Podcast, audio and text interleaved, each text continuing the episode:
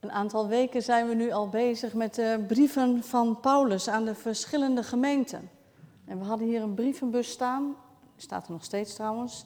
En uh, ik denk dat we vanaf volgende week wel weer weghalen. Maar vergeet niet om elkaar te blijven bemoedigen. Ook vandaag hebben we weer een gedeelte gelezen uit een brief van Paulus. En dit keer aan de gemeente in Filippi.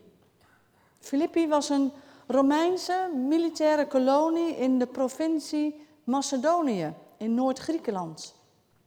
En het was een belangrijke handelsstad op de route naar Rome.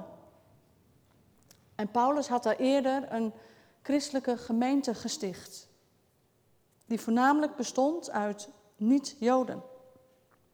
En Paulus schrijft daar nu die brief vanuit zijn gevangenschap. En deze brief is zowel een dankzegging voor wat de Filippenzen voor hem hebben gedaan, als ook een aanmoediging, een bemoediging om elkaar te blijven ondersteunen. En heel kort gezegd geeft Paulus in zijn brief drie opdrachten. Wees blij, wees vriendelijk en wees niet bezorgd. En als we die tekst dan wat beter lezen, dan zien we dat Paulus daar nog iets explicieter in is. Want hij zegt: Wees altijd blij. En laat iedereen merken dat jullie vriendelijk zijn. En wees in niets bezorgd. Wees altijd blij. En met altijd bedoelt Paulus onder alle omstandigheden. En laat iedereen merken dat jullie vriendelijk zijn. Dus laat het ook merken aan wie niet van jou houdt, of wie jij zelf misschien niet zo mag. En wees over niets bezorgd. Over niets, dat betekent helemaal nergens over. Dit gaat dus een stapje verder dan die sheet van net. Zijn deze opdrachten dan niet ja, bijna onmogelijk? Het staat er zo onbegrensd, altijd en iedereen en over niets. Het is makkelijk praten van Paulus, zou je kunnen denken. Maar Paulus praat in zijn brief niet makkelijk en op afstand. Want hij zit op het moment dat hij deze brief schrijft zelf gevangen. En de kans bestaat dat hij om zijn geloof in Jezus gedood zal worden. En als we dan nog eens kijken naar die drie opdrachten die Paulus geeft, Paulus heeft genoeg reden om niet blij te zijn, lijkt me zo. Hij is zijn vrijheid kwijt en hij zit in de gevangenis. En je zou ook kunnen denken dat Paulus alle reden heeft om nu even niet vriendelijk te zijn naar alle mensen. In elk geval niet tegenover de mensen door wie hij nu gevangen zit.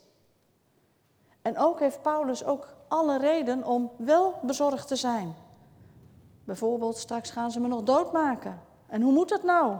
Met mij en met de kerken en met het doorgeven van het goede nieuws van God? Uit zijn brief blijkt dat Paulus in zware omstandigheden zit. Maar zijn gevangenschap is geen belemmering voor verspreiding van het goede nieuws. En deze brief van de Filippenzen is een brief van blijdschap. En als je de brief leest, dan ontdek je dat Paulus verder kijkt dan wat hem zelf overkomt en aan wat hem aangedaan wordt. En daarin neemt hij ook zijn lezers mee. Als je ziet hoe Paulus met die moeilijke omstandigheden omgaat, dan merk je dat hij zich daardoor niet van de wijs laat brengen. En dan mag je concluderen dat de blijdschap van Paulus niet nep is niet gemaakt is, maar het is echt. De drie dingen waartoe hij de gelovigen in Filippi oproept, dat doet hij zelf ook. Hij is blij in de Heer, terwijl hij in gevangenschap zit. En je kunt een stukje teruglezen in Handelingen 16, daar zat hij ook gevangen in Filippi. En samen met Silas gaat hij in die gevangenis bidden en lofliederen zingen voor God. Handelingen 16. Paulus blijft vriendelijk en hij is vol vertrouwen op God. En Paulus onderwijst niet alleen de gemeente in Filippi, maar ook ons. En Paulus die geeft die drie opdrachten ook aan ons vandaag. Wees onder alle omstandigheden blij. En wees naar iedereen vriendelijk. En wees in niets bezorgd. Maar hoe dan? Hoe kunnen wij deze opdrachten van Paulus nou in praktijk brengen? Iedereen van ons die kent toch wel van die dingen waar hij of zij ja, blij om is, maar juist ook van die dingen waarom we heel verdrietig kunnen zijn. En het is een hele moeilijke opdracht. Want hoe kun je blij zijn als er lijden of als er gemis is in je leven? Door bijvoorbeeld huwelijksproblemen, ongewilde kinderloosheid, ernstige ziekte, eenzaamheid, depressiviteit, financiële problemen, onzekerheid, zorgen om het geloof van mensen van wie je houdt, enzovoort. Vult u het zelf maar in. Is het dan niet ontmoedigend om te zeggen: wees onder alle omstandigheden blij? Dat die oproep tot vreugde klinkt, laat wel zien dat het nodig is om een keuze te maken. Want vaak zijn we wel bezorgd en zijn we wel verdrietig en wel boos en wel bang. Het leven is onvolmaakt en ook wij zijn onvolmaakt. En de Bijbel geeft ook alle gelegenheid om onze kwetsbaarheid onder ogen te zien. En tegelijk is juist die kwetsbaarheid de ruimte. Waar die oproep tot vreugde betekenisvol kan worden. Zodat we niet opgesloten raken in onze eigen nood en in onze eigen ellende.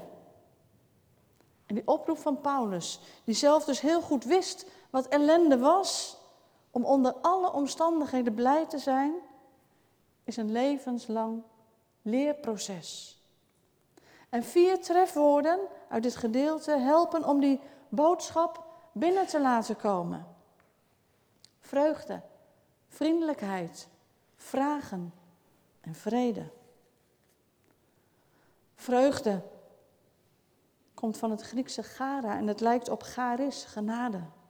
De vreugde waar het over gaat, vindt haar bron niet in onze levensomstandigheden, maar in Jezus Christus. Het gaat niet om het plezier en de pret van vandaag, van alle dag, maar om die diepe vreugde in het kennen van Jezus als je redder. Als de liefde van je leven. Als je licht, als je Heer. Ga richting Jezus, altijd weer. Daarin moeten we ons laten leiden door de Heilige Geest. En Paulus schrijft daar ook over in zijn brief aan de Galaten, over die vrucht van de geest. Laat je niet beheersen door moeilijke omstandigheden, maar door de geest die je hart opent voor Jezus. Voor zijn genade en voor zijn vreugde. Vriendelijkheid. Die vriendelijkheid is ook zo onderdeel van de vrucht van de geest. We hebben daar de afgelopen weken en ook tijdens de Bijbelgespreksgroep met elkaar over gesproken. En bij sommige mensen is het heel makkelijk om vriendelijk te zijn. Maar bij anderen moeten we eerst heel wat in onszelf overwinnen. Vriendelijkheid staat tegenover bitterheid en boosheid. En dat is een valkuil als er veel moeite is in je leven. Maar geïnspireerd door de vreugde in Christus ben je in staat om vriendelijk te zijn. Aandachtig aanwezig voor die ander. Om goed voor die ander te zijn. Misschien is het ook goed om te kijken naar wat Paulus niet zegt. Paulus zegt niet dat je net moet doen alsof er geen reden is tot verdriet. Paulus is juist heel eerlijk over het lijden dat de Filippenzen treft. En hij zegt ook niet dat er geen mensen zijn die het je moeilijk maken. Er zijn echt wel geduchte tegenstanders. En Paulus zegt ook niet dat er geen redenen zijn om bezorgd te zijn. Je hebt van die dagen dat je onbezorgd door het leven gaat, maar veel mensen kennen ook die dagen waarin ze zich juist wel zorgen maken. Er is moeite en er is strijd. En Paulus ontkent die moeilijkheden ook niet. Hij is eerlijk over oorzaken tot verdriet, tot uh, onvriendelijk zijn en over het bezorgdheid. Maar, zegt Paulus dan, de Heer is nabij. Vraag Hem wat u nodig hebt en dank Hem in al uw gebeden. De Heer is nabij. Dat gaat niet over zijn komst later, maar dat is voor zijn aanwezigheid ook nu, vandaag. Dan komen we meteen ook bij dat derde trefwoord. Vragen. In de oproep om over niets bezorgd te zijn klinkt die echo van Jezus' stem. Als hij in Matthäus 6 zegt, maak je geen zorgen. Onze bezorgdheid is een uitnodiging om God te vragen wat we nodig hebben. Zoek eerst het koninkrijk van God. Paulus zegt niet dat we krijgen wat we vragen. Soms zegt God ook nee. Zelfs toen Jezus in Gethsemane vroeg of de beker aan hem voorbij mocht gaan. Gebed is een manier om tot God te spreken. En het is de route om te kunnen leven op de manier van onder, onder alle omstandigheden blij zijn. En naar allen vriendelijk te zijn en in niets bezorgd te zijn. Erken je zorgen. En kijk ze maar eerlijk onder ogen. En deel ze met elkaar. Pak ze op en geef ze aan God. Dat is de route. God weet wat je nodig hebt. Maar hij wil het ook heel graag van je horen. In jouw gebeden. In het brengen van je zorgen naar God erken je dat je Hem vertrouwt. En dat je van Hem de hulp verwacht. En als je maar niks zegt, omdat je denkt, Hij weet het toch al, dan toon je eigenlijk geen vertrouwen in God. Maar je, vertrouwt, eh, je toont vertrouwen door het bij God te brengen. Vraag het Hem wat je nodig hebt en dank Hem. Er is altijd reden genoeg om te danken in onze gebeden. En dankbaarheid vraagt ook om oefening. Als je God hebt leren kennen met zijn liefde voor jou en Hem erkent, dan is er altijd een weg om te gaan. Jezus is die weg. En niemand kan bij de Vader komen dan door Hem. God is nabij. Als je dat gelooft, dan is dat ook alle reden om dankbaar te zijn. En wat gebeurt er als je die route volgt die God ons door Paulus wijst? Dan zal de vrede van God, die alle verstand te boven gaat, uw hart en uw gedachten in Jezus Christus bewaren. Vrede. Wat we het meest nodig hebben, dat is de vrede van God. En die gaat ons verstand te boven. Vaak kunnen we er met ons verstand niet bij. Als we zien hoe ons leven gaat. We begrijpen er soms helemaal niks van. En daarom moeten we soms afdalen van ons hoofd naar ons hart. Als de woonplaats van Jezus, die onze vrede is. Ik wens jullie vrede, zei Jezus na zijn opstanding. En zijn leerlingen, die waren blij dat ze hem zagen. Jezus zien. Dat is de veelbelovende weg die uit een donker dal naar het licht leidt. Als ik zelf bid, dan word ik soms rustig, maar niet altijd. En soms ervaar ik die vrede, maar ik kan ook strijd ervaren. En na het bidden heb ik lang niet altijd een vredig gevoel. Ondanks het feit dat ik me wel gedragen weet. Misschien herkent u dat. En het is goed om te kijken wat God ons wil geven. Als wij de route gaan van het gebed. Paulus is heel eerlijk over die redenen om verdrietig te zijn. Of dat er mensen kunnen zijn die je aanvallen. En dat er redenen zijn tot zorgen. En Paulus zegt dan, Pak het op. Pak het op. En maak het bekend bij God. Paulus zegt niet dat als je dat doet, je met al die moeilijke dingen vrede zult krijgen. En dat we moeilijke dingen niet meer erg vinden. Of dat we er voortaan maar heel luchtig over doen. En Paulus zegt ook niet dat we een vredig gevoel krijgen als we bidden. En dat we nooit meer angst zullen kennen. Paulus zegt zelfs niet dat we vrede bij God krijgen als we bidden. Gods vrede is hier geen doel, maar het is wel een middel.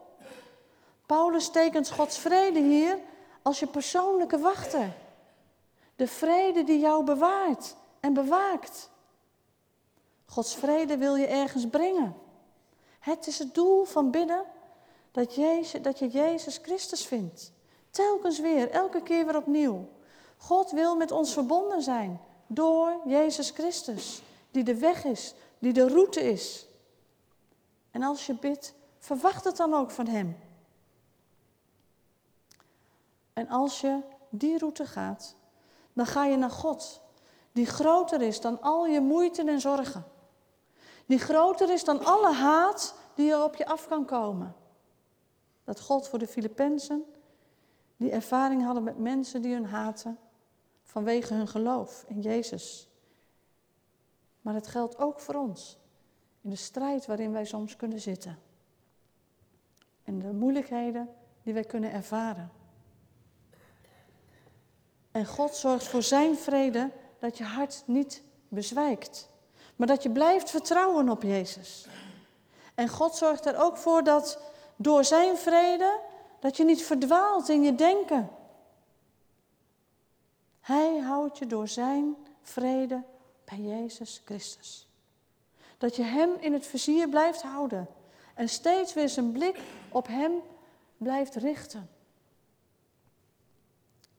Als je biddend met alles naar God gaat, dan houdt Gods vrede je binnen het bereik van Jezus Christus. De Heer is nabij. Als je aan Hem vasthoudt, ervaar je dat fundament en hou vast in je leven. Dan kun je zelfs in moeilijke omstandigheden toch groeien in vreugde en in vriendelijkheid. En doe het. En de God van de vrede, die zal met u zijn. Amen. Amen.